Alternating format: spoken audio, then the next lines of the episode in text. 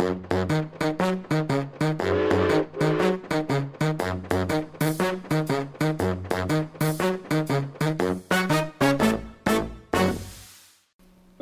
eh, til en ny episode av podkasten 'Ekspedert' fra Ofoten museum.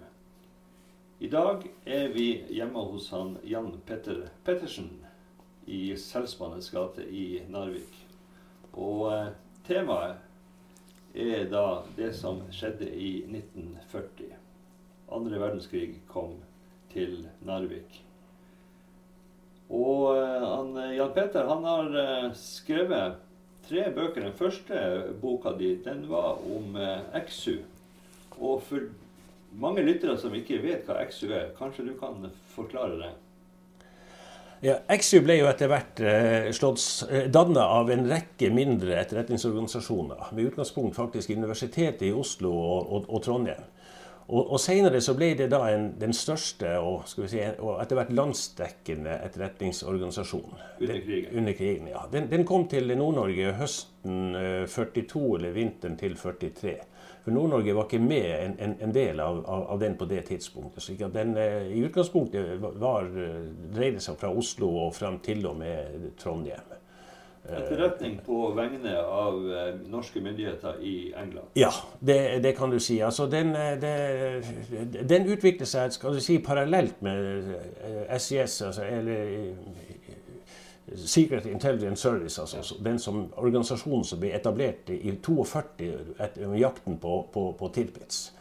Og, og, og, og, eh, beskyttelsen av murmanske konvoiene. Det var jo en, en britisk organisasjon. Det var jo en rekke norske agenter, bl.a. Eh, Hugo Munthe-Kaas var jo den første som gikk i land eh, i, i, i august i, i 42 i Vesterålen og begynte å etablere nettverket. Men på landsida var det altså XU som sto for den tilsvarende. De skulle ikke samarbeide, disse organisasjonene, men i praksis så er jo det nordnorske miljøet lite, og, og, og, og de ble jo å gjøre det, agentene. Men det var, det var SIS eh, som hadde radioforbindelsen til England. Det hadde ikke, ikke XU. slik at når de hadde behov for å sende noe, så gikk det via eh, SIS. I, I, dette området vårt altså, så var det jo eh, senderen i Lødingen. Ja. Slik at eh, du kan si at den operative trafikken som gikk på overvåking og, og hastige meldinger, som gikk på den, den, den, biten der som krevde action umiddelbart, den, den gikk med radio og SIS, altså SIS som jeg kaller det. Eh, mens det var mer rapporter over troppeforflytting forretning, forsyningssituasjon, altså den type ting. Rapporter. Den gikk eh, via XU, eh, faktisk i hele Norge, da, men i, Nord-Norge gikk jo da ved, ved, ved XU. Eh, inn med kurer til Sverige. Ja. Og så gikk den via det delvis det svenske etterretningssystemet og legasjonen, den norske legasjonen i uh, Stockholm over til, til, London. Så det var liksom to para, parallelle løp. Så det var så mange i Ofoten som hadde et vanlig arbeid og familie og alt mulig, og så hadde de altså en tilleggsrolle eller tilleggsjobb med å være hemmelig agent? Ja, sånn var det vel faktisk eh, i, i hele landet. Nordenfjells, Nordenfjell, altså nord om, om, om, Dovre, så var det jo to store organisasjoner. Det var jo Extra Trøndelag ja. som var en, en stor. Og de, de, hadde faktisk ansvaret helt opp til Bodø, til og med Salten. Så for, for dem var det naturlig å, å sogne sørover. Men da Brynjulf Ottar, som etter hvert ble en markert skikkelse innenfor dette, fikk i oppdrag å være ansvarlig for Nord-Norge, så etablerte de det systemet som faktisk eh, etterretningsorganisasjonene i, Narvik-området hadde etablert før. Kontakt østover mot Sverige. Fordi det var ikke naturlig å bruke den, den, den sene skipstrafikken sørover mot Trondheim og så over til, til, til, Oslo. Det var kortere rett over til Sverige og så etablere et kontaktnett der, og så ned til legasjonen. Slik at, du kunne bare hive ei hemmelig melding oppi ei tom mannvogn og ja, faktisk var det jo det det var slik det ble. Og, og, og XU 201 eh, det var altså distriktet mellom Bodø og Tromsø. Eh, og Den ble, hadde hovedsete da i Narvik. og Det var også en, en, en ble etablert av vinteren, høsten vinteren 42-43.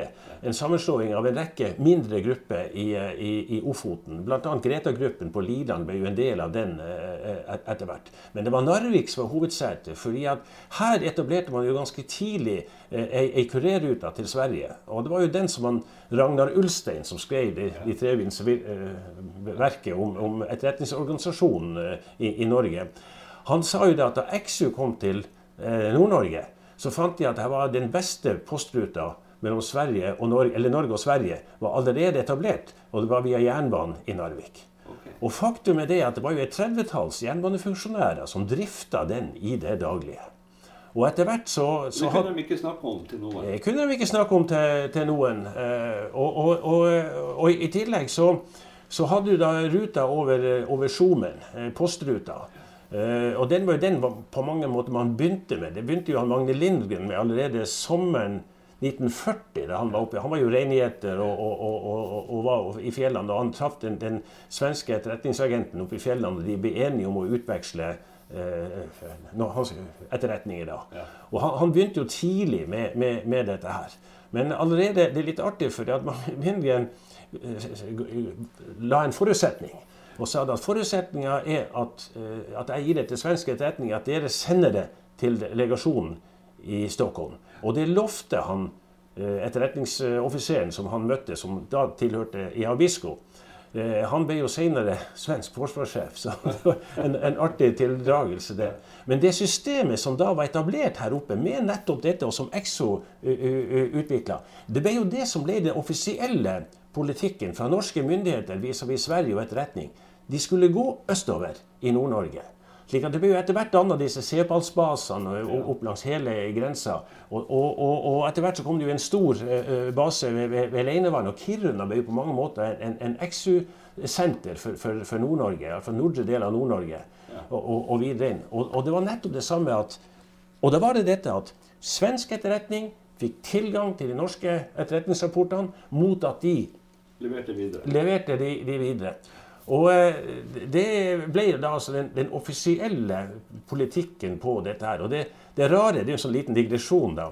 Eh, Den svenske etterretningsorganisasjonen, or- den var ganske omfattende. Den, og de hadde jo også en, en superhemmelig som vel var en utenfor politisk kontroll også, dette C-byråen eh, etter hvert. Men de hadde agenter både i Finland, i Baltikum, ja endog i Tyskland. Det eneste landet rundt eh, Sverige hvor de ikke hadde agenter, og det var i Norge. For det hadde de ikke behov for. For De fikk det de trengte fra de norske agentene via det systemet er etablert. Og det var, det var langt under radaren dette her ganske tidlig, og, og slik ble det. Så det er klart at Ved dette her så ble altså XU201, distriktet jeg snakker om, det ble altså senter for store deler av, av Nord-Norge. Vi hadde jo et, en, en omfattende lokalbåttrafikk. slik at eh, Det ble fira inn via agentnettet inn til eh, Narvik. Og Exo-organisasjonen her, som jeg etter hvert klarte å, å avdekke og, og, og, forklare hvordan han sannsynligvis har, har um, vært etablert, de, de sendte da delvis meldingen ved, ved jernbanen. Og når, når det var razzia og det stoppa der, så brukte de uh, kureren over uh, Beisfjorden og det postsystemet der over eh, Konøyørund, Alika, som heter, Abisko. Det gikk vel i perioder, i hvert fall hver, hver 14. dag en gang i måneden.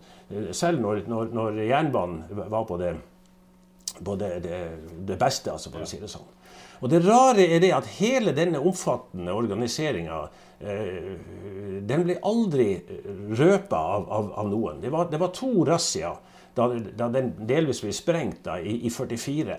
Men det ene var De fant ei, ei melding oppe i Alta da, da, et, etter Tirpitz og, og den. Der fikk de et navn som de førte ned tilbake til Narvik. Og Da ble det arrestert folk på jernbanen som følge av det. Det andre var en arrestasjon av en skogvokter i, i Namdalen. Han hadde også et navn knytta til eh, jernbanen i Narvik. Slik at det var, det var aldri at det sprakk i, i Narvik. Og det er nesten ikke til å forstå. Du opererte altså intakt gjennom hele krigen. Jeg opererte intakt gjennom hele krigen, den organisasjonen som er den første boka vi klarte å, å, å, å, å, å avdekke eh, eh, da. Men hva står XU for? Det XU er det, er det, det er ingen som egentlig vet det. Det har vært diskutert eh, ganske heftig, for det, det er to versjoner. Det ene er jo selvfølgelig at det er XU, altså eh, XU-navn, ja, og sånn, altså, det er vel kanskje det mest sannsynlige.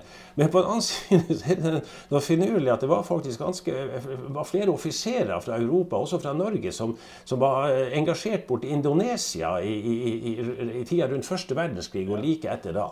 Og Da sier de at en av grunnleggerne han som kom tilbake, var med og etablerte XU sentralt i Oslo. Han hadde deltatt i en organisasjon som het XU borte i Indonesia i rundt om 1920. eller noe sånt. Altså videreføring? Ja, men om det, om det er sant, det, det, det, det vet jeg ikke. Men, men det, er også ganske viktig å ha med seg at, at pga. æresordet som ble avgitt av offiserene etter pålegg fra general Ruge i 1940, så var en hel yrkesgruppe som i, ellers i alle de andre landene i Europa var toneangivende om å etablere motstandsbevegelsen. De ble ekskludert? De ble ekskludert og pasifisert pga. det. For det der med æresordet det var en viktig sak for alle parter, de krigførende. Både allierte og, og, og, de andre. Så norske offiserer sa de eh, måtte altså love å ikke ta til våpen mot, mot Tyskland ja. resten av krigen? ja, resten av krigen. Det var altså betingelsen? Det var betingelsen for ikke å gå i krigsfangenskap i 40. Okay. Men så ble de jo avkrevd et nytt uh, si, eh, æresord i 43, og da var det jo mange som da ikke ga det og, og ble internert den, den, gangen da. Eh, det var jo også en del offiserer som etter hvert kom med i motstandsarbeidet, la nå det være klart. Men, men, men, i Norge så var den, den etableringa den kom av sivile. Og, og, og, den XU, den stør, som ble da den største, han, eh, han, hadde sitt utspring i universitetsmiljøet i, i, i Trondheim og, Oslo. Og så etter hvert så, så, så bredte den seg utover. Har vi noen uh, navn i uh, Ofoten? Å ja, jeg har eh, ganske uh, mange. Når jeg, jeg, fikk min spesielle interesse for dette, så er det fordi jeg vokste opp med krigen. Faren min var, deltok jo i det her og kom tilbake fra han måtte rømme da sammen med mor mi til, til, Sverige i, i november 44. Kom tilbake som invalid. Man, han hadde fått lungesykdom og, og, og var 100 ufør store deler av min barndom. slik at det klart Krigen har prega min barndom og ungdom. Ikke bare på vondt, men også på godt. altså. Det var jo eh, Ikke så mye så dramatiske historier jeg fortalte, men interessen var jo der. Ja.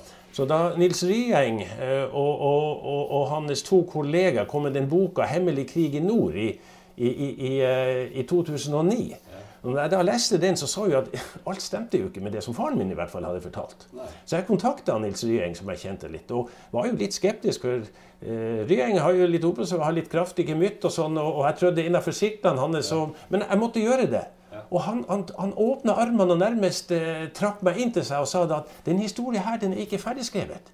Kan ikke, du, kan ikke du bare stå på? Og, og det, det, det, artige var det at vi ble jo nesten sånn jeg tør å si gode venner, fordi han, han, ble en mentor for meg eh, i, i, det arbeidet der. Så eh, det gjorde jo at, eh, at, det var en veldig sånn, eh, positiv approach til det. Og i, i store deler så, så, så bekrefter jeg den historien deres, men jeg fikk jo utvida den, for jeg jeg var litt heldig.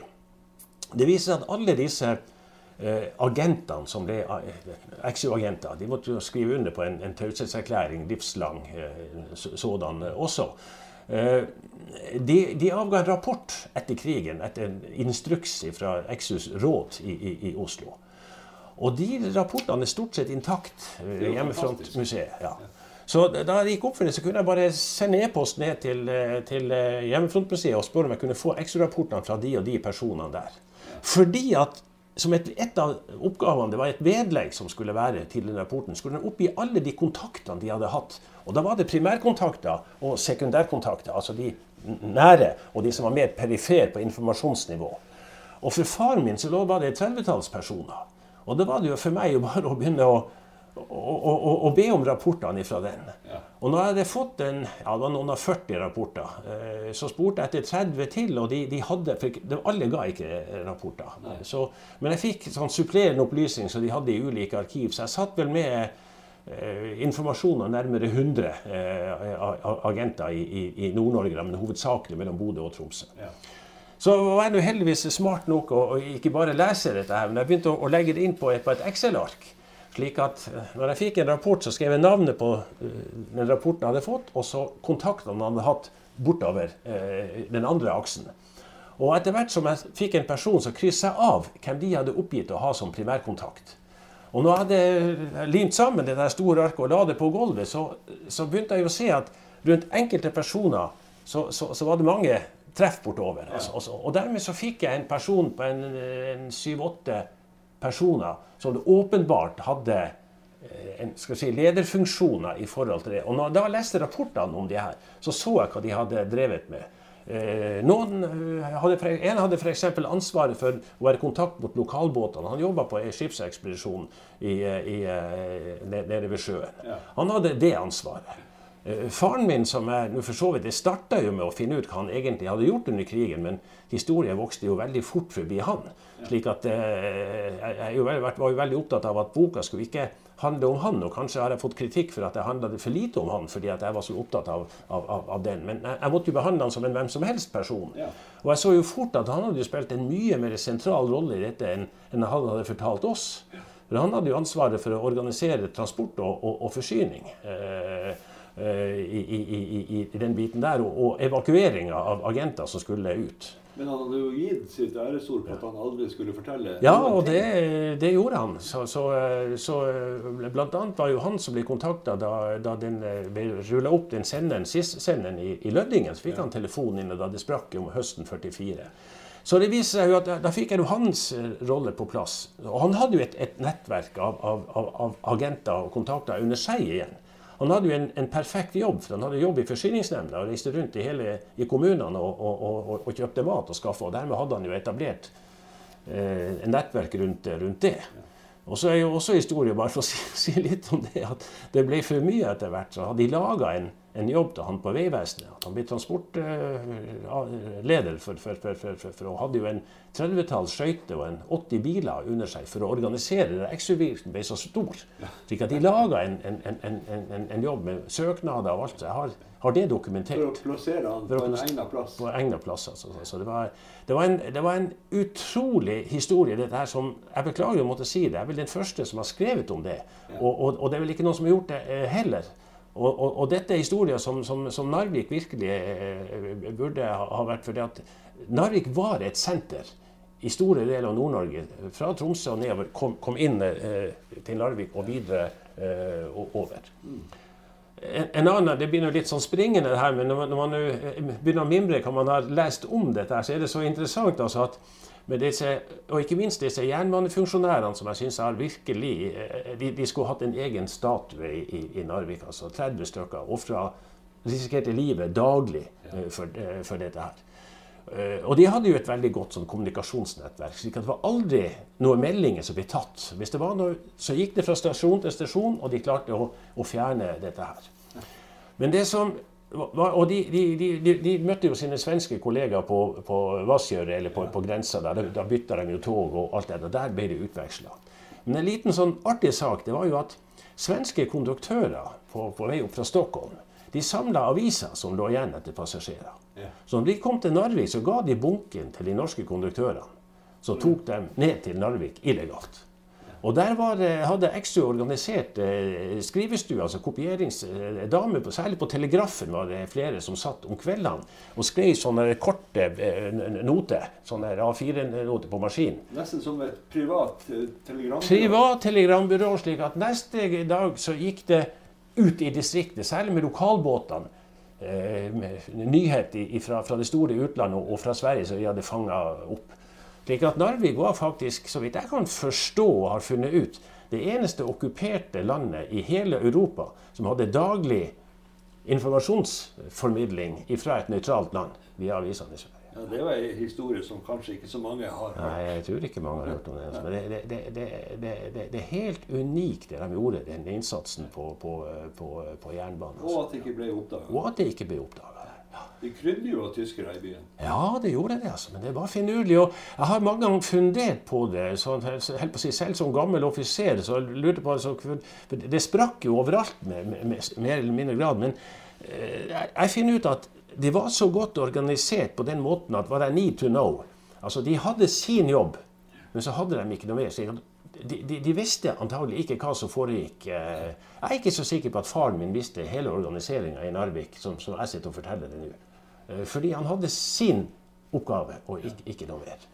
Og Hvis du, hvis du tar f.eks. Den, den store helten i Narvik, som er riktig av Borch Johnsen, han var ikke med i dette her.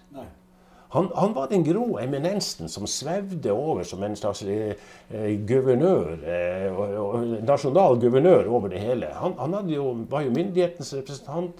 Han hadde tjenestereise under hele krigen til Oslo som lege. Han fikk reise gjennom Sverige. Og han var involvert, men ikke så involvert at du kunne ha Det finnes ikke et eneste papir etter han Borch Johnsen. Og jeg har grovet og prøvd.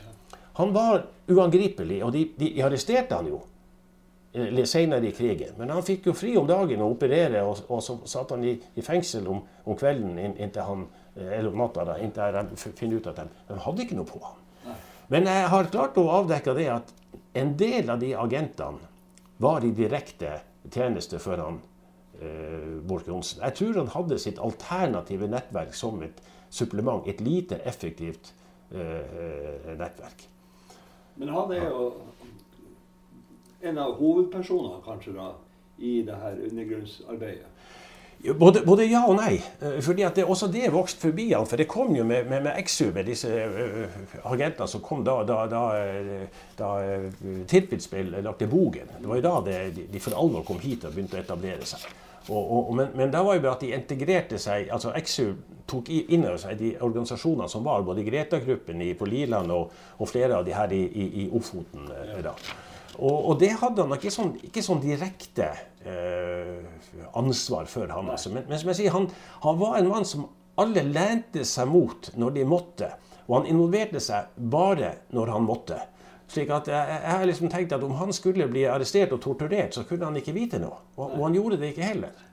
Men han hadde jo blant annet, fikk jo han penger fra London, så han hadde jo ei kasse som han betalte jo en del av de innkjøpene som bl.a. faren min eh, finansierte, altså de her materiellet materielle og sånt. Ja. Så det, det, var et system, men, men det var en sånn celleoppbygging som, som var eh, aldeles fantastisk. Og det er jo, det er jo ansvarlig forklaring på hvorfor vi vet så lite. Det er jo nettopp fordi at de det skulle ikke dokumenteres. De, skulle vite det de visste, og ikke noe mer. Nei, I tilfelle de ble avslørt. I tilfelle de ble avslørt.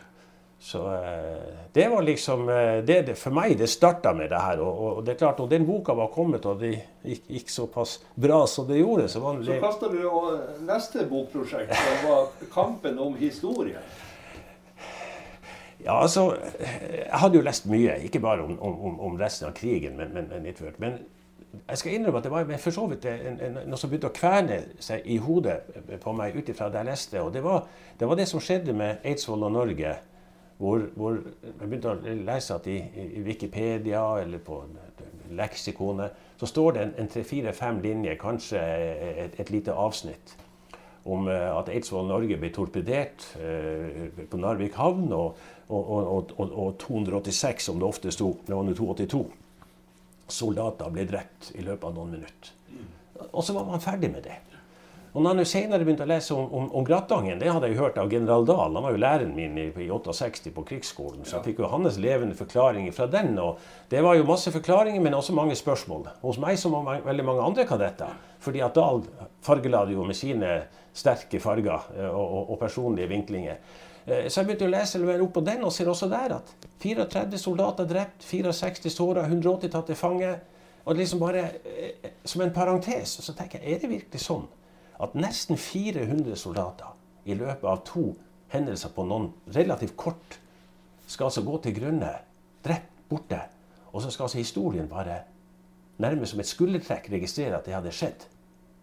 Var det ingen som stilte spørsmål om kunne ikke andre vurderinger gitt andre resultater? Kunne ikke andre beslutninger fått et annet utfall? Kanskje ikke noe veldig mye bedre, men i hvert fall muligheten for at andre det kunne gått helt annerledes var til stede. Og da jeg begynte å grave i dem, så så jeg jo det. Og da var jeg egentlig i gang. Så, så du stilte spørsmålet hva gikk galt, og hvordan kunne vi ha hva kan vi lære av det? Hva kan vi lære av det? Hvor kunne dette vært forhindra med, med og, og, sånn, og, nettopp den biten der? Altså det, det, det, jeg syns det var en slags form for historisk kynisme overfor de, de soldatene og ja. deres minner som gjorde at, at det ble neglisjert Eh, på, på, en måte. Og eh, det følte jeg var urimelig. Og, og, og eh, Derfor ble jo den 'Kampen om historia' en, en bok med, med, med, episoder som jeg har gått i dybden på og analysert. Mm. Eh, hvorav de to hovedepisodene er jo Eidsvoll og Norge og, og Alta-bataljonen. Og så hvordan man etterpå kunne snu og lage myter om en, en nærmest en heltedåd knytta til Grattangen som egentlig ikke fant sted. Og, og, det opptok meg jo også veldig, veldig mye. den. Altså. Du fikk jo sikkert eh, veldig mye detaljkunnskap gjennom jobben med denne boka om eh, kampen om historie. Altså kampen om hva var det som egentlig skjedde, og hvordan er den eh, viderefortalt gjennom årene, og, og hvilken oppfatning sitter sitt folk med. Og du, eh, da hadde du på en måte grunnlaget til å gå løs på den siste, som heter Narvik 1940. Strategiske mål og politisk symbol. Ja, det, det, du, det, det, er en riktig iakttagelse. Sånn, sånn, sånn, var det.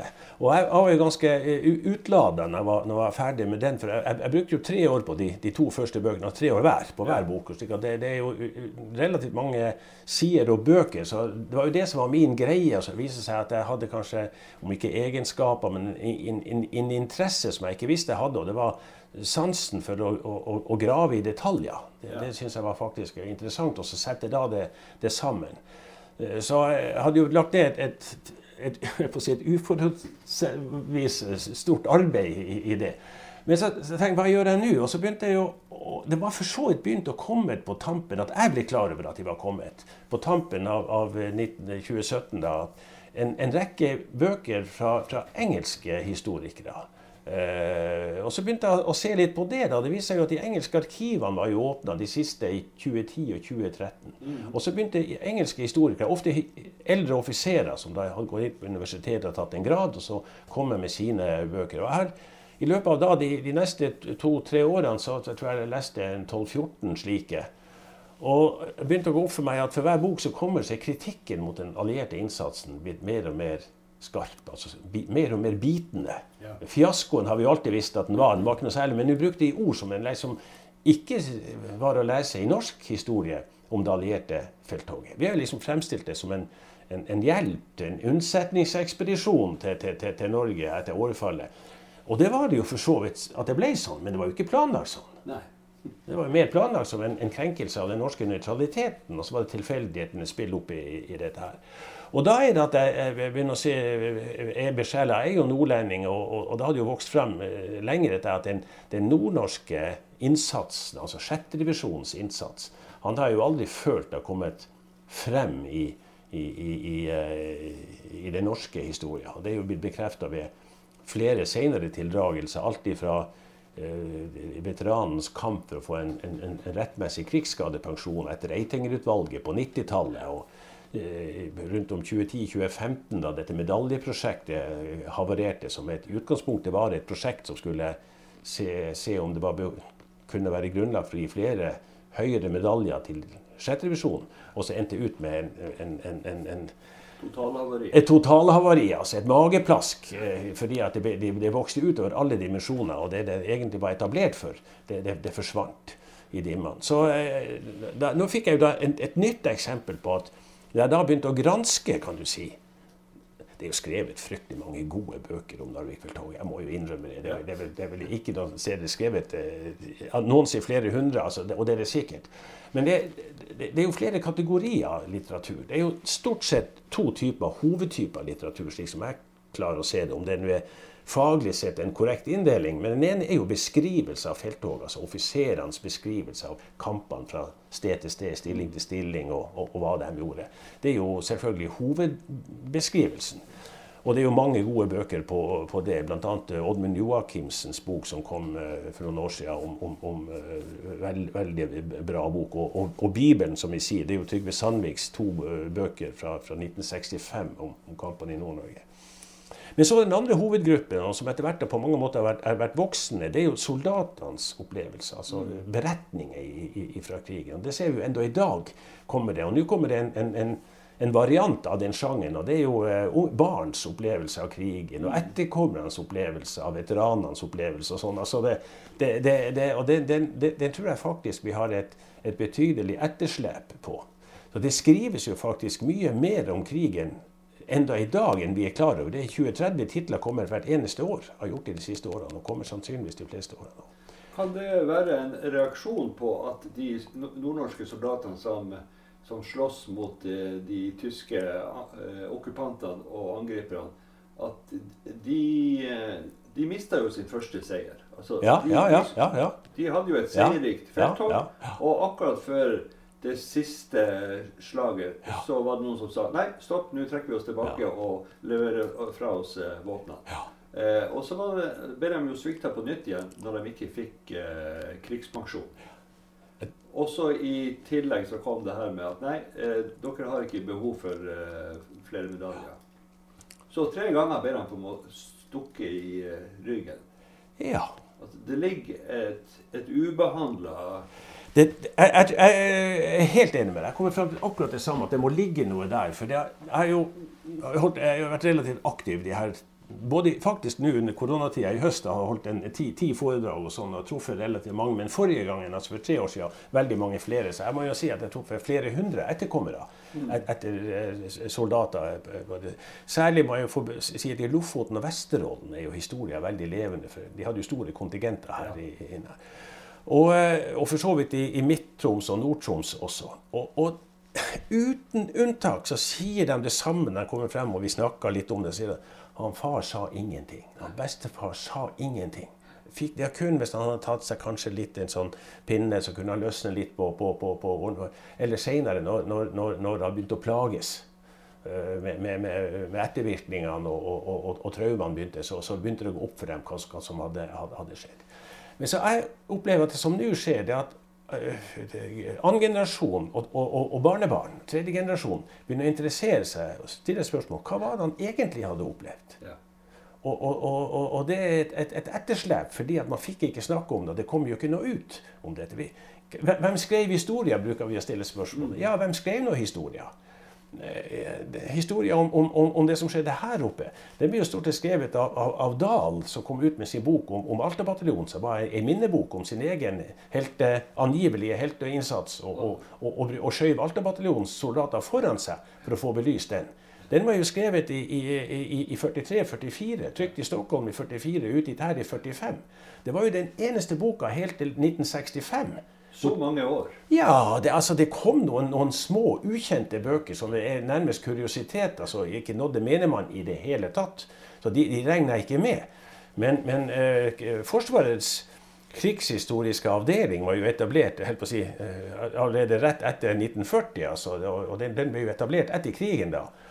Og de begynte jo i 1952 en større serie som varte i 20 år, eh, med, med 14 bind som skulle beskrive den norske krigshistoria.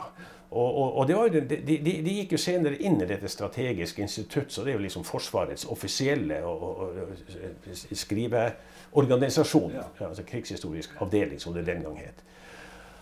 Og i 1965 da utga de uh, bok nummer 12 og 13 i serien på 14. Det var Trygve Sandviks, pensjonert general Trygve Sandviks eh, bok om, om kampene i Nord-Norge. Ja.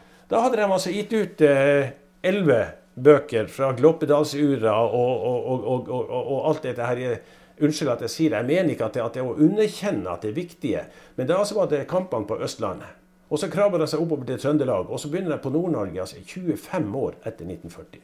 Der krigen virkelig hadde vart nesten tre ganger så lenge som man hadde gjort i Sør-Norge. Og det er klart at hvem var det i, i 1965?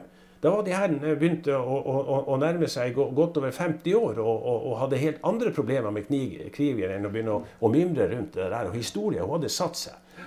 Så kom Max Manus med sine helter eh, i 45-46, og, og, vi fikk helt andre perspektiver på det.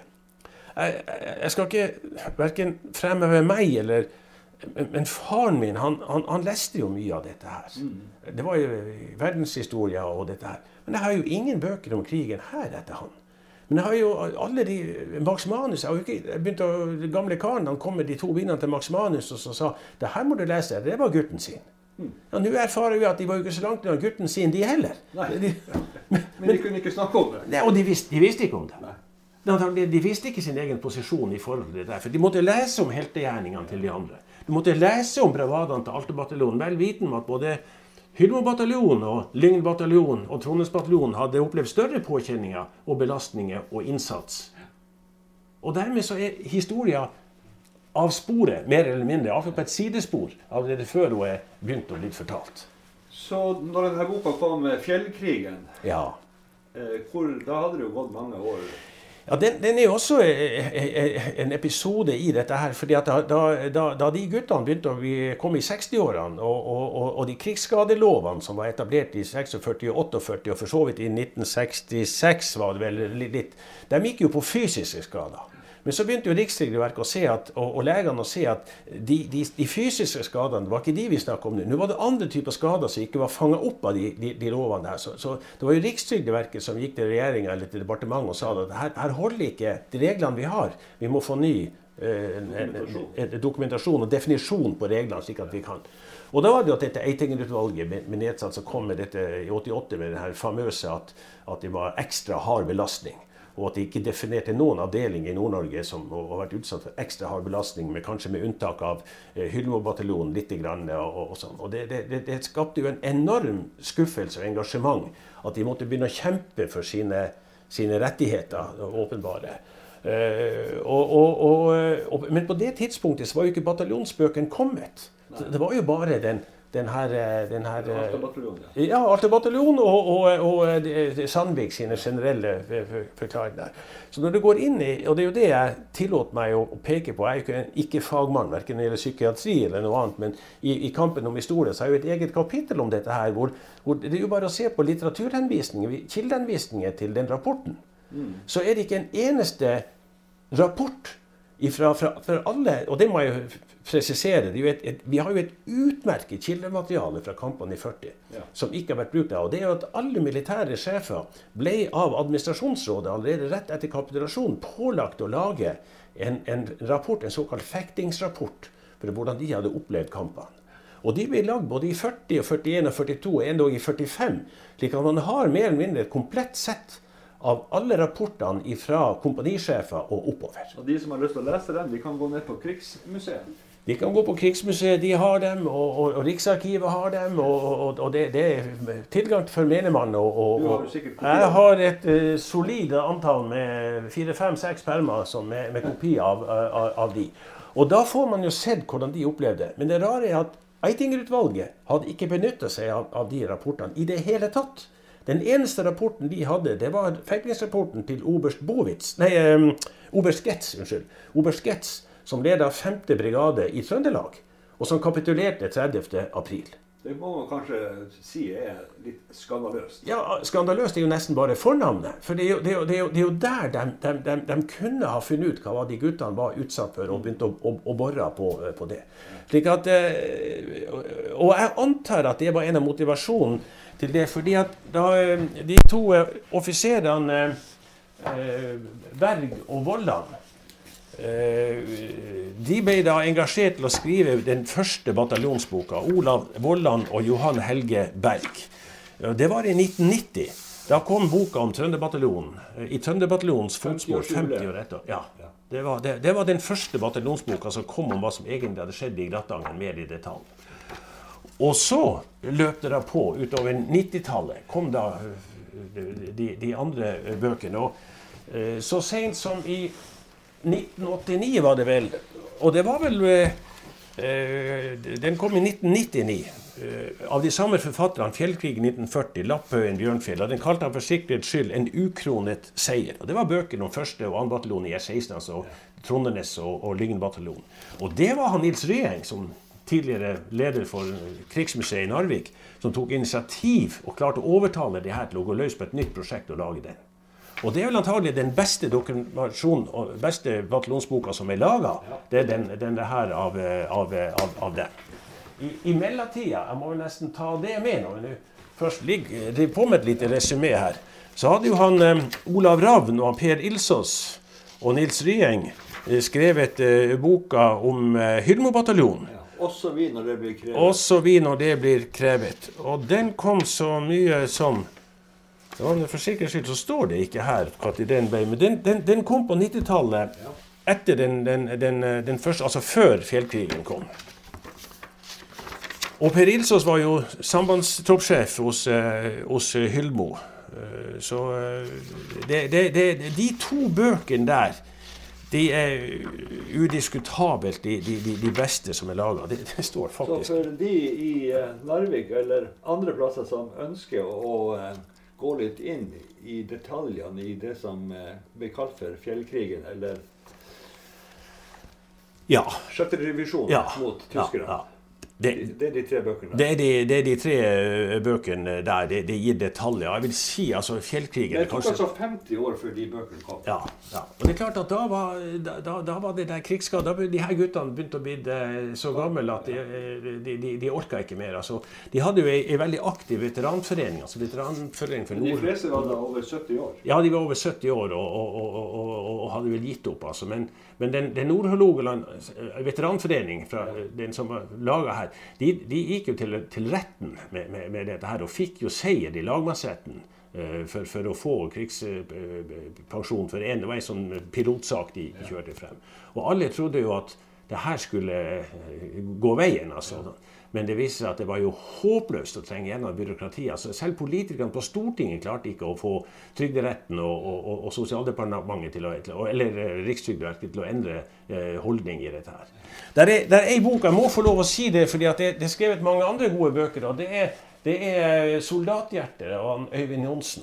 Han har et kapittel om, om, hele pensjonsspørsmålet. Så de som er interessert i det, bør lese den. For der får man en, en gjennomgang av, av, av, av si, galskapen som foregikk knytta til, til det temaet der. Han også har skrevet to bøker om krigen. Veldig gode. Han, han, er, han er, banebrytende, på, på, på, særlig på, det, på den soldathjertet. Og så har han den med at den eneste som har skrevet om kampene på Ankeneshalvøya, altså Sydfronten, det er han som har dokumentert den i, i boka som heter Sydfronten, eller Slag om Narvik Sydfronten. Ja, og da tok det jo 60 år etter ja, ja, det, skjedde. Ja. Så, så det, den type litteratur finnes jo etter hvert, som jeg sier, det tok noen år. Men det som, som er, er, min greie, det er noe annet, og det er at det er mer analyser av, av det som skjedde. Og, og, som sagt, med, det heter litt sånn på litt fint, og det visste jeg ikke før jeg var ferdig med to bøker, at, at det var en sjanger der det som heter kontrafaktisk skriving. Altså du prøver å finne ut hvordan, hvordan kunne det ha gått. Og et, et sånt eh, piloteksempel på det, det er at hva med om Blücher ikke hadde blitt senka?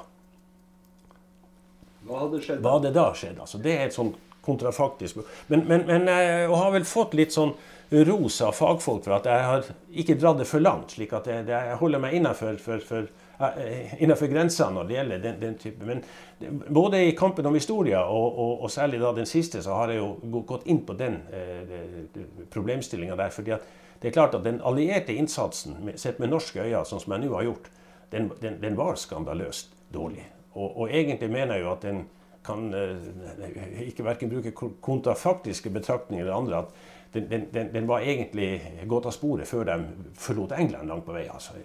Før de kom til Norge, så, så, så var, var, de nesten dømt til å mislykkes, sånn som de planla og, og, gjennomførte det. Ja. Eh, når det gjelder sånne kontrafaktiske, eller ja. hva ville skjedd hvis vi ja. hadde gjort sånn, så kan jeg jo ta opp det her med at eh, Tyskerne de var jo sikre på at det var eh, norske kanonbatteri ute i innløpet til Oslofjorden. Ja, ja, ja, et på Kjellbotn-sida og et annet på Kjelløy-sida. Eh, og eh, to av, de som, to av de ti skipene som kom, hadde jo som spesialoppdrag å eh, nøytralisere det ene og det andre kanonbatteriet. Slik at eh, de kunne overta kontrollen og på en måte stenge porten etter seg når de var gått inn i, i fjorden. Men det, det var jo ikke noe kanonbatteri. Eh, og det var jo selvfølgelig De kanonene lå, lå på kai en annen plass. Og, ja, De lå i Lødingen fram til januar 40, ja, da de ble sendt til Bergen. Fundamentene var bygd, og alt var klart. Men det var ikke penger, det var ikke vilje osv. Etter krigen så, så, skjønte jo eh, norske myndigheter at det er klart at vi må ha kanonbatteri som beskytter innløpet til Ofotfjorden. Ja. Eh, og så ble det jo bygd eh, kanonbatteri både på, på eh, Kjellbotn-sida ja, ja. og på Kjelløya og i Lødingen og flere andre plasser. Torpedobatteri ute i Ballangen. Og så ble de restaurert på 90-tallet, og så ble de ødelagt og lagt ned. Så nå er vi jo egentlig tilbake igjen til den situasjonen som vi hadde rett før 1940. Ja, det, det, det er faktisk sånn at vi, vi, vi er der. Fordi det, det, er interessant det du sier der. fordi at, at forløpet til til, til, både den tanken om de fortene eh, på, på mellomkrigstida. Ja. Det var jo den, den samme som, som, erfaringen etter første verdenskrig, altså betydninga av Narvik ja. med jernbanen. Altså, det, det, det, var jo en revolusjon i kommunikasjon og, og, og tilgjengelighet. Og ved å få en, en sånn kort vei til, til, til, Sverige. Men det andre er jo at det var jo en transportvei av en, den livsviktige malmen, som vi kommer inn på når vi skal snakke om, om selve forløpet til krigen her, da, det var jo kampen om råstoffene. Slik at de lagde jo en, en, et forsvar sjøverts, altså fra vest, med de fortene, var planen. Og så bygde de jo eh, fortifikasjonene opp langs Ofotbanen. Eh, for stoppe? For, å stoppe eh, fra, fra øst. Den, enten det var svenskene eller det var russere som de var redd for skulle komme. Mm. Det er jo hva heter nå eh, Silvik eh, detasjement. Da, ja. altså, så, så, det. Så det, var, det, var, det var sammenhengen i, i, i, i, Forsvaret der og tenkninga den gangen. Men så var det ikke penger, og så var det ikke vilje? Nei, jeg, jeg tror jo kanskje mest det, det, det, det siste. jeg, kan ikke fri meg for det at uh, man skal passe seg liksom å dømme nord og ned, både pasifisme og nøytralitet. For det, er hedersbegreper egentlig. Men, men, men, begynner man å, å, å blande det sammen og ikke skille det fra hverandre. Vi, vi, fall, mener jeg å kunne se på historien således at en av grunnene til at var, vi fikk en vellykket oppløsning av unionen med Sverige i 1905, det var at vi hadde etablert et sterkt forsvar. Sverige torde ikke å yppe seg der. Og, og, og den, En grunn til at vi holdt oss utafor første verdenskrig, var jo at uh, vi hadde en, et forsvar som var såpass sterkt at det var avskrekkende. Altså, det, det, ville koste mer enn det smakte å, å, trekke Norge med i krigen i første verdenskrig. Men, men så er jo den ulykksalige 20- og 30-årene med depresjon og økonomi, og, og, vi hadde en regjering som prioriterte sosiale reformer mer enn å beholde et forsvar. Det er ikke noe galt med det? Nei, det er jo ikke det. Det, det er jo nettopp det det ikke er. Eh, men faren er at hvis du, hvis du da definerer deg bort fra problemet med å si at nøytralitet eh, er det samme som trygghet. Hvis du ikke har, for Det er jo det som ja, tar Sverige da, i hele den kalde krigen. De hadde jo et relativt sterkt forsvar og kunne være nøytral. Eh, eh, eh, det var det at Skulle du håndheve nøytralitet, så måtte du ha et forsvar som gjorde det mulig. Men det hadde vi ikke. og og det var jo da en, en, en affære som da senere, mer enn noen andre affærer, viste at vi hadde verken vilje eller kapasitet til å håndheve nøytraliteten. Så, så det, det, det, det, er sånne betraktninger man kan gjøre seg både de, om Forsvaret den gangen og Forsvaret nå. Bra. Nei, men da tror jeg vi har snakka bra om eh, det her. Og eh, du skal senere holde foredrag som vi skal få lagt ut på YouTube. Så de som er nysgjerrig på fortsettelsen, fortsettelsen de må bare følge med videre. Så eh, da takker vi for nå, og så ses vi om ikke så lenge.